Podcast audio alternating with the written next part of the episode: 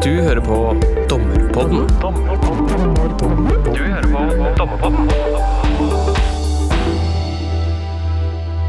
For oss i underinstansene så er avgjørelsene fra Høyesterett veldig viktige. Men hva er det vi egentlig vet om hvordan eh, Høyesterett jobber, og hvordan disse avgjørelsene blir til? Hva er det som foregår på innsiden av Høyesteretts hus? Eh, det har vi lenge tenkt her i Dommerpodden at vi har lyst til å lage en episode om, og endelig så har vi fått det til. Velkommen hit, høyesterettsdommer Cecilie Østensen Berglund og utreder i Høyesterett Julia Kråkenes Benin. Eller velkommen tilbake til deg, Cecilie. Takk. Veldig hyggelig å være Du har jo vært med på den episoden om dommerfullmektigordningen tidligere. Jeg tenkte vi kunne begynne med en eh, kort eh, presentasjon, og kanskje ta da den som er minst kjent av dere to, Julia. Hvor, lenge har du vært eh, utreder i Høyesterett?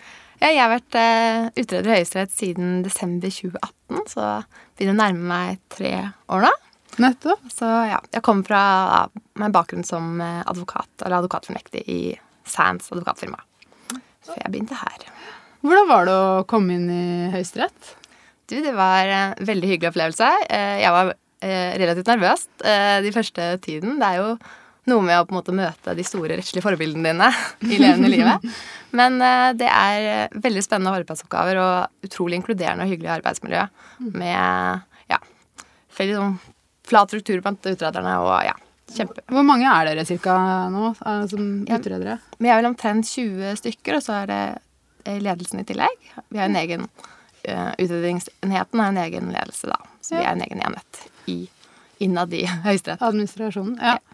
Eh, og der kan du være, eller det, det går på åremål, så hvor lenge kan man være, være utreder i, i Høyesterett? Så du kan eh, være syv år, og så inkluderer det ikke permisjoner. Da. Så det er mulig for en veldig dedikert utreder å ja, makse ut tiden der. Men eh, de fleste er et sted mellom ja, fire-fem år, tenker jeg. Og vi skal jo snakke litt uh, mer om, om hva dere driver med, men, men sånn helt kort, hva, hva er det en utreder i Høyesterett gjør? Ja, vårt hovedarbeid ligger jo å bistå ankeutvalget i den silingsprosessen de gjør, eller generelt arbeid i ankeutvalget, både ved anker over dom som kommer inn, og også anker over kjennelser og beslutninger. Nettopp. Det, vi, det skal vi høre litt mer om. Og Cecilie, da er det jo mange som kjenner til fra før, og for alt jeg vet, så presenterte du deg eh, også i forrige, gang- forrige gang du var i Dommerpodden, men bare sånn helt kort, eh, hva er det du har holdt på med før du ble høyesterettsdommer? Um, Jeg kan starte med å si at jeg også har vært utreder Ja. eh, i Høyesterett. Så jeg var utreder, nestleder i Utredningsenheten og assisterende direktør. Så jeg hadde faktisk åtte års erfaring fra Høyesterett da jeg gikk til lagmannsretten og var der i sju år. Og så kom jeg tilbake igjen som høyesterettsdommer i 2017, så nå har jeg da vært i fem år. Og hvordan syns du det er? Veldig gøy. Spennende. Jeg visste ganske mye om jobben eh, på forhånd. Eh, og Den har absolutt svart til forventningene, og egentlig mer enn som så. Hva er, eh, hva er den store forskjellen, vil du si, kanskje, å være dommer eksempel, i lagmannsretten og? Største forskjellen både fra lagmannsretten og fra tingretten der jeg var domfullmektig på et lite sted, er jo det at i Høyesterett så er det advokatene som legger frem saken. Vi har den middelbare bevisføringen, sånn at du får ikke de eh, parts- og vitneforklaringene eller de overraskelsene som kanskje kan dukke opp underveis eh, i prosessen, som eh, Ja, og jeg trodde vel kanskje at jeg kom til å savne det, at jeg kanskje ville bli litt rastløs eh, i Høyesterett eh, med en annen arbeidsform, men eh, det er så konsentrerte innlegg. Eh, veldig annerledes eh, prosedyre i Høyesterett enn for de lavere instansene, som gjør at det blir veldig intenst eh, og også veldig artig. Kult. Det første temaet som eh, jeg tenkte vi kunne begynne med, da, eller å snakke litt om, er jo hvordan sakene kommer inn til Høyesterett, altså anke, ankesilingen. Og Som du var inne på, Julia, så har jo utrederne en ganske stor rolle der. Altså hvordan, eh, hvordan er det dette gjøres? Altså hvem, hvem avgjør hva som skal fremmes og behandles i Høyesterett? Ja. Kanskje du vil starte med det? Ja. Ja, sakene kommer jo stort eh, sett alltid oss i første omgang, så da tar vi en gjennomgang hvor vi går gjennom Leser alltid tingrettens dom og lagmannsrettens dom. Og ja, dere gjør det. Jeg leser dommene våre også. Vi leser dommene. Ja. og da anke og tilsvar. Mm. Og eventuell prosesskriv da, som skulle ha kommet eh, etterpå. Eh, Og så gjør vi en foreløpig Eller vi tar en gjennomgang av saken med tanke på å legge den frem best mulig for eh, dommerne. Hvor vi også da påser at eh, de formelle alt det formelle er i orden. F.eks. At, ankefrist, at, at anken er inngitt innen ankefristen. og ja, den type ting. Og gå igjennom kort liksom, Vi skriver et notat hvor vi kort går gjennom eh, hva saken dreier seg om, og partenes anførsler. Før vi eh, skriver en eh, kort vurdering av eh, ja, de problemstillingene eller spørsmålene saken reiser. Og særlig med tanke på anke over dom, da, i hvilken grad de reiser prinsipielle spørsmål som tilsier at eh, Høyesterett skal behandle saken. Gir dere en slags anbefaling? Ja, vi avslutter alltid notatene med en eh, konklusjon eh, av om anken bør tillates fremmet eller ikke. Men for vår del så er jo hovedformålet å trekke frem disse spørsmålene eh, i notatet og løfte fram hva som er tema. Og så for vår del så er konklusjonen litt mer rundt. Den er det jo dommerne Den, ja, Det det, ligger hos dommerne. Ja. Mm. Uh, hvor stor påvirkningskraft føler du selv at dere har? Jeg, jeg tenker at Vårt eller hovedformål er jo å tilrettelegge saken best mulig og gi dommerne ja, best mulig grunnlag for å fatte gode avgjørelser og finne de, riktige, eller finne de sakene som, hvor det er behov for rettsavklaring. da. Vi, og så er det jo dommerne ja. Det er jo alltid tre dommere i ankeutvalget som går gjennom saken hver for seg. Etter at, og da går det på skriftlig behandling, så når vi sender saken fra, så går den videre til ankeutvalget, hvor det da er tre dommere som eh, foretar den videre vurderingen av saken. Nettopp, og der, eh, og det er jo Ankeutvalget er nå en integrert del av Høyesterett, og der har jeg skjønt at man sitter på skift, eller har en sånn skiftordning. Ja, stemmer. Eh, Alle dommerne sitter i ankeutvalget to ganger i året, og da sitter vi fem uker av gangen. Og da er vi normalt fem dommere i utvalget, og så er det tre på hver sak, da. Ja. Eh, Og da tar vi imot saken som kommer fra, forberedt fra utreder. Og så går vi igjennom, og også dommerne leser eh, dommene fra underinstansene. Så I barnevernssaker så er det mange av oss som også leser fylkesnemndas vedtak. vedtak. Og så leser vi da anke, tilsvar og senere prosesskrift, og gjerne utredernotatet. For å se eh, hvis hva saken dreier seg om, og om det er hva som særlig løftes frem der, da. Eh, og så gjør vi også opp en selvstendig vurdering, og jeg er veldig enig i det Julia sier. Den viktigste oppgaven for utrederen ligger i tilretteleggingen. Eh, å løfte frem det prinsipielle, hente frem rettskilder som kanskje advokatene ikke har vært innom. Eh, og så er det dommerne som avgjør hvorvidt dette skal henvises eh, eller ikke. Og så er det jo mange saker i ankeutvalget som anker over beslutning av kjennelser, eh, og hvor vi har begrenset kompetanse. Sånn at da er det ofte mindre å gjøre med en del av de sakene. Mm. Nettopp. Og hvor mye er det anken har å si da for dette? Altså, er, eh, er det mulig å si noe om hva som er en god anke oppi det, dette spørsmålet her? Altså? Kort og godt? Altså, ja, vi må benytte sjansen til å reklamere for uh, advokatveiledningen vår, tror jeg. Kort har- Korte og presise gode anker er Ja. gode anker. Som Ja. får, får frem det prinsipielle på en ja, kortfattet og god måte. Vi har laget en veiledning som ligger på hjemmesiden vår, eh, og jeg er veldig enig med Julia at mm.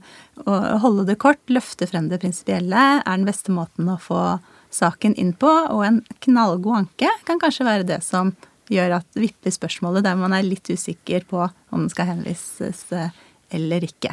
Men det er jo først og fremst hva saken dreier seg om. Mm. Vi ser etter. Så også en anke som ikke er så godt skrevet, eh, kan fort hen, eh, ende med en henvisning. Ja. Eh, er det, jeg vet ikke om dere klarer å ta det på stående fot, men er det sånn cirka hvor mange saker er det som blir henvist, hvis vi skal ta de anke over dom, da, for eksempel?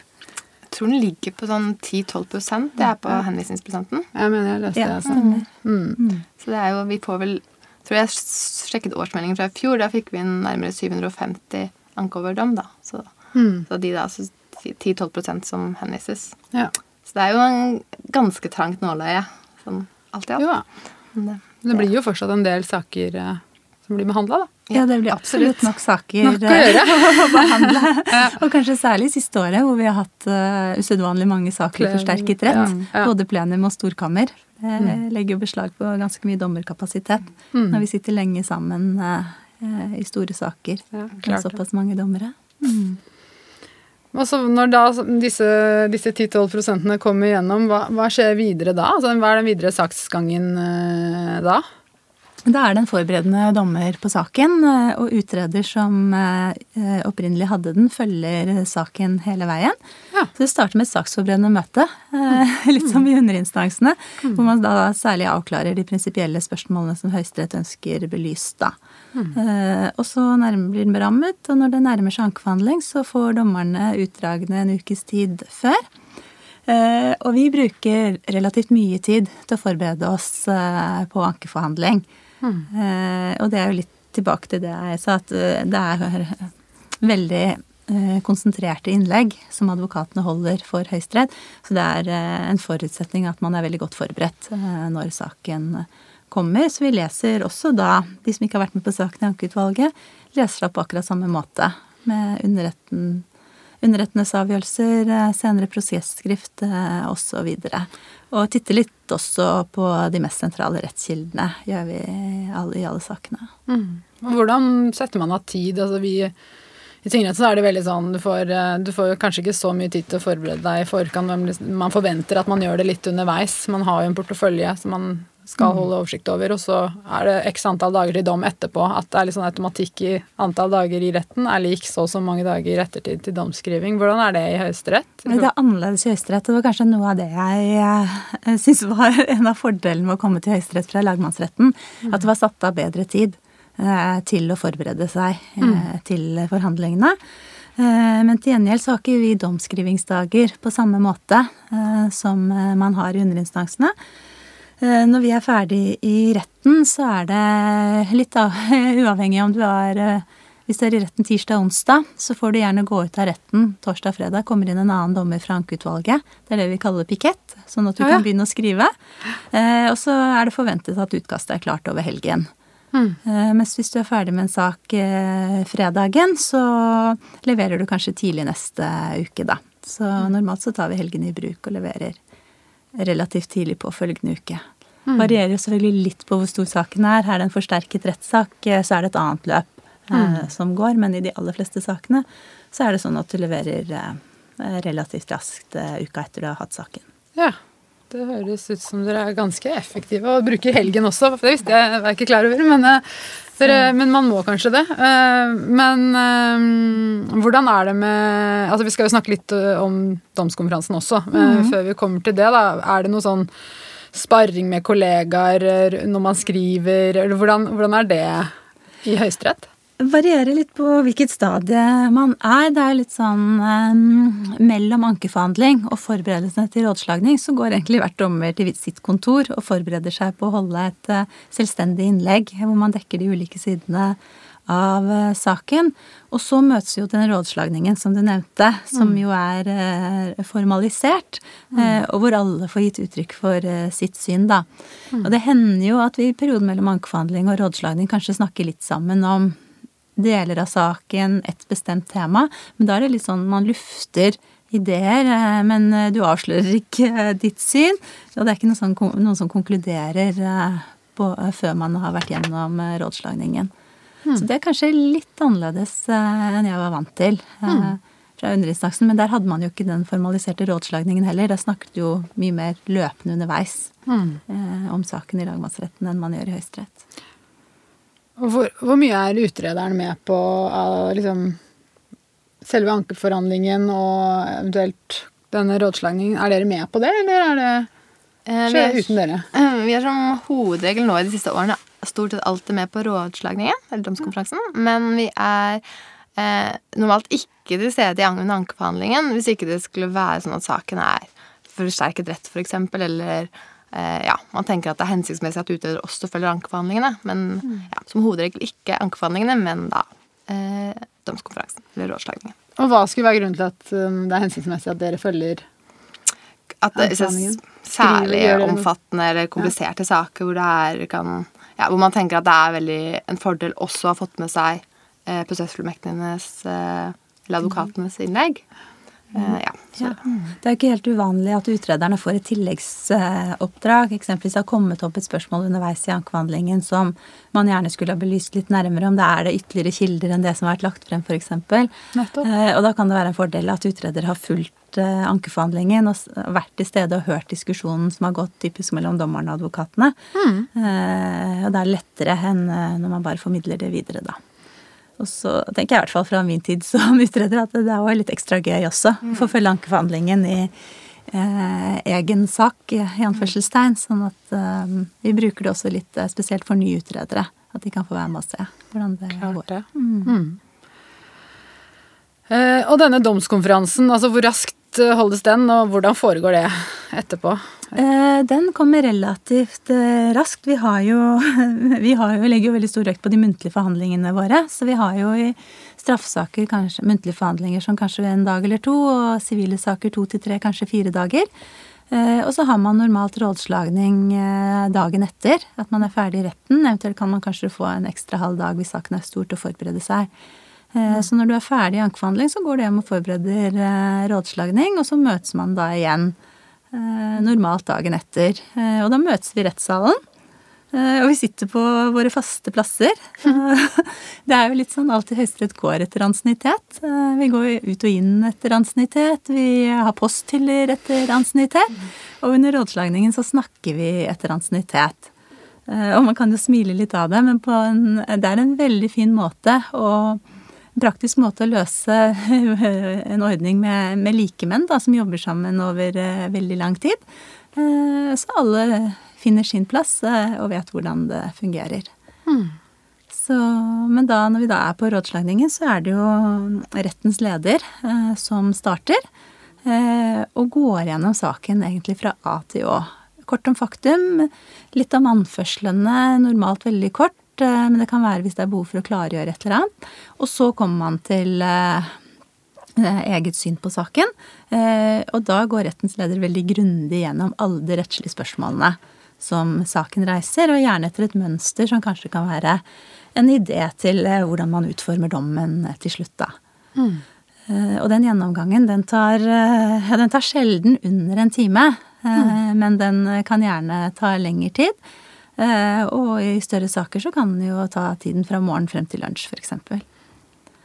Og hvordan er da på en måte de neste innleggene som man da, de andre har forberedt? Er det Ja, da har jo alle forberedt eh, selvstendige innlegg, men man eh, kjører jo ikke en reprise av det rettens leder har sagt. Sånn at de som følger på da, hvis de er enig med rettens leder, så nøyer de seg man gjerne med å supplere eller understreke hva man særlig vil ha løftet frem, eller kanskje noe du ønsker å tone ned. Så konsentrerer du deg om det. Eh, Men hvis du har et annet syn, eller du vurderer en særmerknad, eller du eh, har rett og slett eh, bare har en annen begrunnelse som du ønsker å, å løfte frem, så har du et litt lengre innlegg rett og slett for å underbygge ditt syn på saken, og kanskje med et lite håp om å, å snu noen av de som har vært eh, foran deg, da. Ja, prøver Eh, man, det eller kanskje. man Man Ja. prøver å overbevise hverandre, rett og slett? Man prøver absolutt å overbevise hverandre. Og det er derfor eh, vi har denne første runden hvor alle snakker uavbrutt. Og så går ordet en gang til. Eh, Da er det rettens leder som starter igjen på runde to. Og det går også sånn alle får ordet eh, uavbrutt i den runden også.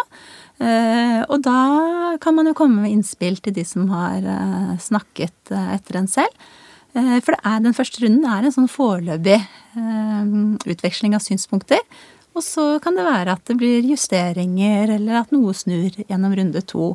Men når den runde to er ferdig, eh, hvis det er behov for å si noe mer da, så er det ikke etter ansnittet. Da er det mer en fri diskusjon eh, deretter, da. Men eh, ja. Så det er ikke uvanlig at det blir noen justeringer underveis, ettersom kanskje yngst i ansiennitet har et argument som ikke nødvendigvis andre har løftet frem tidligere, da. Og Hvordan er det dere tenker rundt dette med dissenser? Altså, er, det, er det et mål å bli enig, eventuelt? Hvorfor ikke? Hvorfor? Det er ikke nødvendigvis et mål for Høyesterett at dommen er enstemmig, for vi, det er jo prinsipielle spørsmål som løftes frem, som er uavklarte.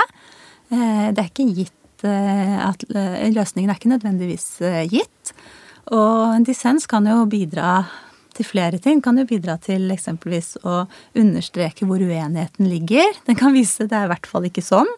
Eller den kan være starten på det som blir en endret rettsutvikling, eh, fordi senere avgjørelser velger å følge opp dissensen.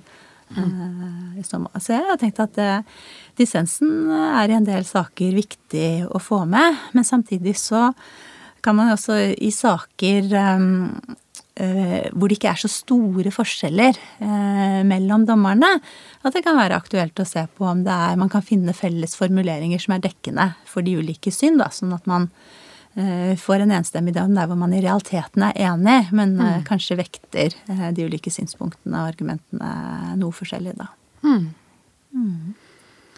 Og i disse avgjørelsene som kommer da, eh, hvor mye av arbeidet til dere utrederne kan vi spore i avgjørelsene?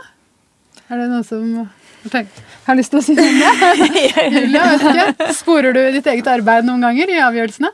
Jeg tenker at Vårt arbeid for avdeling så er det først og fremst for å eh, gi dommerne bistand hvis det oppstår f.eks. Eh, noen prosessuelle spørsmål som eh, har dukket opp, om man har behov for å få avklart noe, så skriver vi notater om det. Eh, det kan også oppstå noen ja, eh, materielle spørsmål eller vurderinger som man ønsker å få belyst nærmere, som kanskje ikke av ulike grunner ble belyst tilstrekkelig under ankeforhandlingen. Så det er jo på en måte der vårt bidrag gjelder, sånn at dommerne får best mulig grunnlag for å gjøre sine selvstendige vurderinger. da. Så ja. Ja, for det som er litt spesielt i Norge, eh, sammenlignet med veldig mange andre land, er jo at dommerne i, eh, i avdeling så skriver jo hele avgjørelsen selv.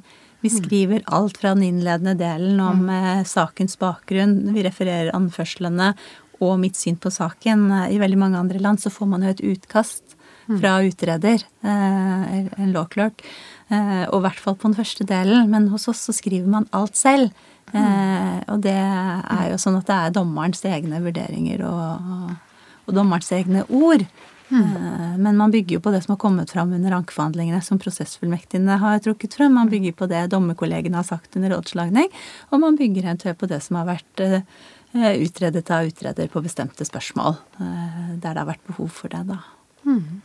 I ankeutvalget så er det jo sånn at utrederne skriver intimasjonen. De skriver eh, saksfremstillingen og refererer partenes anførsler, så det kan man jo kjenne igjen sitt. Og så justerer dommerne gjerne litt på det ut fra at man har sin egen stil, da. Men også i ankeutvalget, når man kommer til eh, rettens merknader, så er det dommernes eh, merknader. Og det er dommerne som har ført det i pennen, da. Jeg tenker på ankeutvalget, Vi vet jo aldri hvilke dommere eh, vi skriver for. Vi utreder jo saken med tanke på at alle 20 dommerne kan få egentlig den saken. Så det er ikke noe. Det er jo Ja. Vi gjør på en måte vår vurdering litt sånn uavhengig av det. det. Jeg har, jo, jeg har jo vært utreder selv, eh, og nå sitter jeg på dommersiden. Så jeg kan nok avkrefte det som eh, enkelte forfattere har hevdet, at eh, utrederne har eh, større makt over eh, resultatet på dommene enn det man får inntrykk av. Det er faktisk et, eh, det er et dommerprodukt eh, som kommer fra norsk høyesterett. Og det produktet, altså disse avgjørelsene, hvordan er, hvordan er det egentlig å ta disse avgjørelsene? Hva, det hadde jeg tenkt å spørre deg om, Cecilie. Altså, hvor mye eh, reflekterer rundt den egne, altså den rollen eller ansvaret da, som dere har i hverdagen? Det er en type jobb som man virkelig tar på alvor. Eh, Vi er jo en prejudikatsdomstol. Vi skal jobbe for rettsavklaring og rettsutvikling. Og det gjør jo at vi får mange store, tunge, viktige saker eh, på bordet. Eh, Sånn at det er nok en gjengs oppfatning at vi er eh, bevisst på eh, at vi avgjør saker som normalt får stor betydning for veldig mange ulike aktører og mennesker. Samtidig så er det den faginteressen blant oss dommerne i Høyesterett som gjør at vi jo trives så veldig godt der. Vi liker å dykke ned i, i jussen. Eh, og jeg tenker den kombinasjonen at man tar den, det ansvaret eh, på alvor, at man liker eh, den grundigheten som er nødvendig, samtidig som vi har veldig fine diskusjoner dommerne imellom, gjør at eh, det er en veldig trivelig arbeidsplass eh, med veldig spennende oppgaver. Som varmt kan anbefales for de som måtte tenke på å søke om noen år. Når er det du forresten bestemte deg for at du hadde lyst til å søke Høyesterett? Er det noe du alltid har drømt om, eller er det noe du har funnet ut underveis? Eh, Det er ikke noe jeg aldri har drømt om. Det var langt fra mine tanker. Jeg, eh, min plan var eh, selvfølgelig å skulle bli partner i et advokatfirma, som så mange andre, eh, rett ut fra husen, og jeg stortrivdes med advokatbransjen. Men så fikk jeg barn, og da hadde jeg lyst til å roe det litt ned. Så da begynte jeg som utreder i Høyesterett, og fikk øynene opp for at det var en, en spennende arbeidsplass. Men det var nok først da jeg hadde vært en del år i Høyesterett, eh, at jeg begynte å tenke på en dommerkarriere. Og da var det naturlig med lagmannsretten først. Så mens jeg var der, tenkte jeg det hadde vært veldig hyggelig å komme tilbake til Høyesterett på et tidspunkt. Så en sånn modningsprosess. Er det, flere, det er vel noen flere utredere også som har gått veien, altså den veien. Utreder først, og så Ja, Karen Anne Guskar Ja. var jo den gang det het juridisk sekretær. Mm. Så hun, og hun var vel også veien via Borgarting, tror jeg. Ja. Så inn eh, ja, som dommer. Med en god del år før meg. Mm. Så vi har vært to så langt, men jeg er helt sikker på at det kommer flere. Yes, nei, men bra. Eh, nå hoppet jeg litt sånn ut av det i forhold til de temaene vi hadde lagt opp, men eh, vi snakket litt om disse avgjørelsene og, og det ansvaret. Og jeg og Ola, når vi forberedte episoden, så, så fortalte han meg at han, en som heter Ole Larsen Skattebøl, som var høyesterettsdommer fra 1904 til 1918, han var kjent for å ha sagt at Høyesterett aldri har latt seg tvinge av en lov til å avsi en dom som den fant urettferdig. Eh, er det altså hva tenker du om det? Er det, er det altså, hvilken plass har, de, har rimelighetsvurderinger i de avgjørelsene som, som dere tar? Jeg tror ikke det er dekkende lenger i dag. fordi det er nok avgjørelser fra Høyesterett hvor man har eh, ønsket eh, og ment at et annet resultat ville være riktig, men da har spilt ballen over til lovgiver og sagt at eh, per nå, ut fra det rettskildebildet vi har, så må løsningen bli som følger, men dette er et spørsmål som det er naturlig at lovgiver eh, ser eh, nærmere på. Så det har nok forandret seg litt på de litt over 100 årene som har gått. Ja, ok. Uh, og så er det jo litt morsomt for oss å høre eh, litt om hvordan det er utenom uh, altså, i, altså det sosiale da, i Høyesterett, hvordan det, det er. Eh, for det vet eh, vi veldig lite om. Eh, hvordan er på en måte, kan du starte med å spørre hvordan er forholdet mellom administrasjonen da, og dommerne? Er man mye sammen, eller er man veldig sånn delt, eller hvordan er det? Jeg kan jo bare si helt kort at her syns jeg det har vært en veldig stor utvikling i Høyesterett de siste 20 årene. Da jeg begynte som utreder i 2002, så var det i større grad skiller mellom de ulike gruppen dommere, utredere og saksbehandlere. Og jeg husker jeg hadde vært der et par år, så kom det en dommer til meg og sa Vet du hva som skjedde meg i dag, Cecilie? Det var en eh, utreder som tiltalte meg med fornavn. Og det flere år før jeg hadde vurdert å bruke fornavn på han. Og da tenkte jeg hm, det, Men den gangen var det en annen form. Eh, Man var på etternavn, det var litt mer eh, formelt. Det er veldig annerledes i dag. I dag er det egentlig en integrert arbeidsplass hvor alle trekker i samme retning. Man er på fornavn med hverandre. Bruker du? Bruker du? ja. Alle er veldig bevisst på at eh, vi skal jobbe for at Høyesterett eh, fungerer eh, best mulig. Så jeg syns det, er et tettere og bedre samarbeid nå i dag. Og det er jo mye mer litt sånn Vi er jo en moderne domstol i et tradisjonelt bygg, egentlig. egentlig. Så hvis Julie er vet ikke om du Kjenner du, deg igjen i det? Så Jeg kan absolutt være enig i det. Og vi mm, har jo felles lunsj eh, mandag og fredag, hvor hele, mm, hele Høyesterett spiser sammen.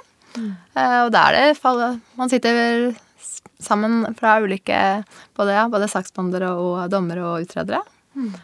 og det er liksom, ja, veldig sånn Fornavn. for, Det er fornavn, og, og særlig man er De dommerne som sitter i ankeutvalget, så jobber man jo eh, kan man jo jobbe tett med eller ha dialoger med og diskusjoner. Og det samme gjelder jo hvis man eh, jobber for eh, eh, avdeling. Så da kommer man jo tett på dommerne, og eh, mitt inntrykk er at det er veldig rom for å gå, å gå og snakke med de dersom Ja. Så det er Dette med du og de, altså er det sånn at advokatene er de også på, på dus med høyesterettsdommerne når de er i, i skranken? Det varierer litt. Ja. Noen eh, er det, men eh, de, stort sett så bruker man egentlig eh, som dommer sånn og sånn spurte om, og tilsvarende kan advokat sånn og sånn eh, utdype. Eh, men det har jo klart vært en, eh, en glidning der. der. Det er eh, mm, Stryker ikke prøvesaken hvis du bruker du Absolutt ikke. og det glemte jeg å spørre om i stad når du snakket om eh, den domskonferansen. Altså, det er vel et eller annet sted inni der man snakker om eh, advokaten også. Eh, Ja. Vi har jo en del advokater som hører på, så kunne vi kanskje, før vi fortsetter med det sosiale, si noe litt tilbake til Absolutt. hvordan den prosessen er. Ja, Mm. det er eh, det vi avslutter eh, domskonferansen med, fordi vi har jo ganske mange advokater som er eh, til prøve. Mm. Og da er det en runde til slutt, hvor det igjen retten, rettens leder først gir sin vurdering av prøveadvokaten, og så supplerer de neste fire på med sin oppfatning. Og da er det jo sånn at den som skal snakke med prøveadvokaten, eh, for det er sånn det fungerer. eh, I den domskonferansen så avgjør vi hvorvidt eh, de består eller ikke. og Det får de umiddelbart beskjed om.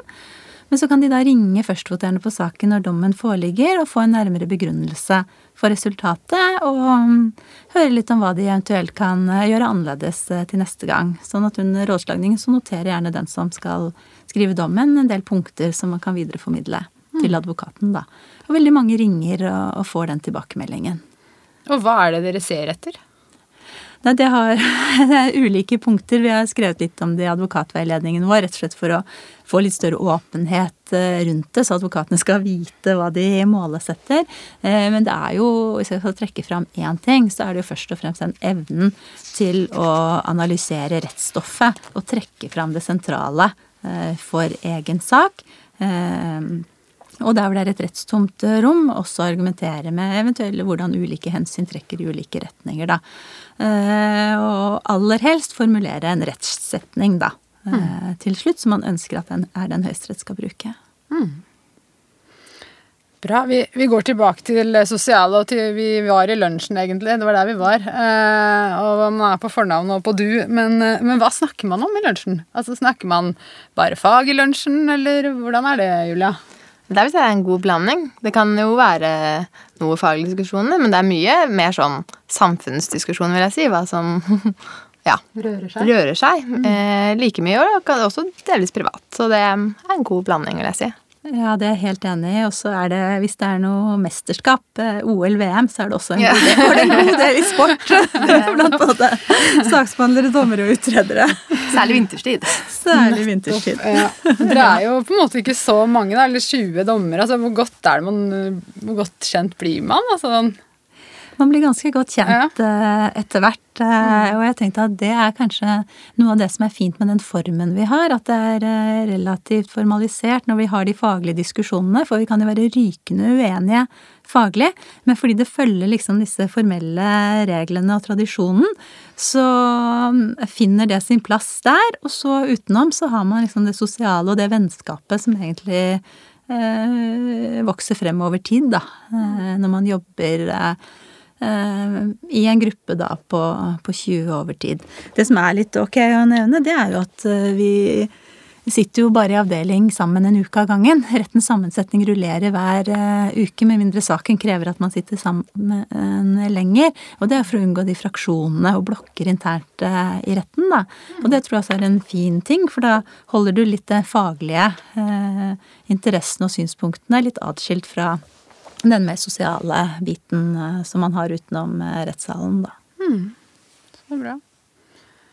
Eh, og nå er det jo snart julebordsesong, så da passer det å spørre hvordan, hvordan er stemningen på julebordet i Høyesterett? Altså, hvem er det som styrer musikken, f.eks.? Kan begynne med å si at vi har eh, julefest, da, ikke julebord. Men det, er, eh, det bare betyr egentlig at vi begynner mye tidligere. Vi begynner allerede klokken fire. Ja. Eh, hvor det er ja, Er det hvert år? En det hvert, julefest? det er hvert år Mm. veldig hyggelig. Eh, Starter liksom nede i vestibylen med gløgg, og vi går rundt juletreet. Hele. Synger og Synger og går, koret synger og åpner, og så er det alle holder hverandre i hendene og går rundt juletreet. Vi ser om korona tillater det i år. Eh, og så er det videre inn til eh, middag da, på huset. Så, og det syns jeg er veldig fint at det holdes i Høyesteretts egne bygninger. Vi har det jo i møtesalen. Eh, Dekker runde bord der og blander saksbehandlere, utredere og dommere. Eh, Og det, det er veldig god stemning. Mm. Og kan kanskje nevne, Julia, vi har kanskje en litt annen servering enn eh, veldig mange andre. Ja, vi eh, har en videregående, eller samarbeid med en videregående på Nannestad, en kokkelinje der, som er de som hvert år eh, kommer og disker opp med en flott treretters middag. Det er kult. Det er veldig koselig. Ja. Og så er det servitørlinje på samme skole Ja. som da serverer eh, Ja, oss som har underveis, da. prøvd seg litt. Ja. Ja, det er gøy. Veldig hyggelig. Og så er det Polynese ettermiddag. ja, vi går polynese gjennom hele deler av bygningen i hvert fall. Okay. Så, mens de rydder da møtesalen for dans og fest etterpå. Ja, blir, blir det noe dansing? Det blir dansing Ja. og god stemning, så Så bra. ja, det er Vi er litt spente, for det var vel kanskje vår tidligere informasjonsrådgiver, eh, Svein Tore Andersen, som eh, pleide å sta Lage spillelisten, lage og var av musikken. Nå har jo han eh, sluttet, og vi har fått en ny Ida, så vi er spent på om hun viderefører den ja, hun tar over ansvaret. Ja. er det vel nok utredere som kan kaste seg på og supplere, og sikkert noen dommere òg. Jeg tipper det er utrederne som skifter musikken først. Ja. ja, Julia, du får ta, du får ta litt ansvar. Ta i år, du, da. og holde Ja. mm. Nei, men bra. Eh, til slutt så hadde vi et spørsmål som vi hadde tenkt å spørre om, og det, det var om vi i underinstansene skal vente på Høyesterett, eller om vi skal tenke som Høyesterett. Har Ja, det er jo et godt det. spørsmål. Eh, Jeg tror det varierer eh, ut fra sakstype. Eh, I en del saker så har Høyesterett allerede sagt noe om hvordan saken eh, skal løses, og da er det naturlig at man legger seg på den linjen og rett og slett følger opp eh, praksis. Og så er det jo en del saker i tingretten som ikke byr på de store prinsipielle utfordringene, hvor kanskje eh, hvor det er bevisvurderingen egentlig som er, mest eh, krevende. Eh, Så der er det litt annerledes enn der man kanskje får en eh, sak på bordet som man relativt raskt skjønner at har noen prinsipielle tilsnitt. Den er kanskje veldig prinsipiell, så man skjønner at denne kommer til å havne i Høyesterett. Eh, Og da er det jo mer naturlig å forsøke kanskje å skrive dommen på en måte som ligner mer på det hva Høyesterett ville gjort, da. Tenk hvis man får ja, klimasaken på bordet i første hånd, eller man fikk spørsmål om søksmålsbetingelser i ACER-saken. Eh, Er litt annerledes enn eh, mange av de andre sakene man har i tingretten. Men det er klart, verken i lagmannsretten eller tingretten er det jo lagt opp til at man skal kunne gjøre de dypdykkene eh, og jobbe på samme måte som Høyesterett gjør. Så det vil jo være en forskjell. Men jeg tror kanskje skillet går på hva slags type sak man har fått på bordet, da. Ja, men bra. Tusen takk eh, skal dere ha for at dere kom i dag, Julia og Cecilie. Eh, vi setter strek der, tror jeg. Hvis ikke det er noe sånn annet som jeg tenker at jeg burde spurt dere om når jeg har dere her. Veldig hyggelig å være her. Ja, så bra. Ja, veldig hyggelig å få lov til å fortelle litt om det indre livet. Ja, ja, det er jo eh, veldig morsomt for oss å høre om. er, og jeg kan også bare si at selv om vi skriver litt dommer i helgene, så er det jo Det går jo en stund mellom hver gang man er førstvoterende. Så mm, samlet sett så har jeg også bare kanskje lyst til å si, både fra utreder- og dommersiden, eh, at Høyesterett er et spennende og morsomt sted eh, å jobbe med en absolutt overkommelig arbeidsbyrde. Og det er kjempefint å kombinere eksempelvis med familieliv.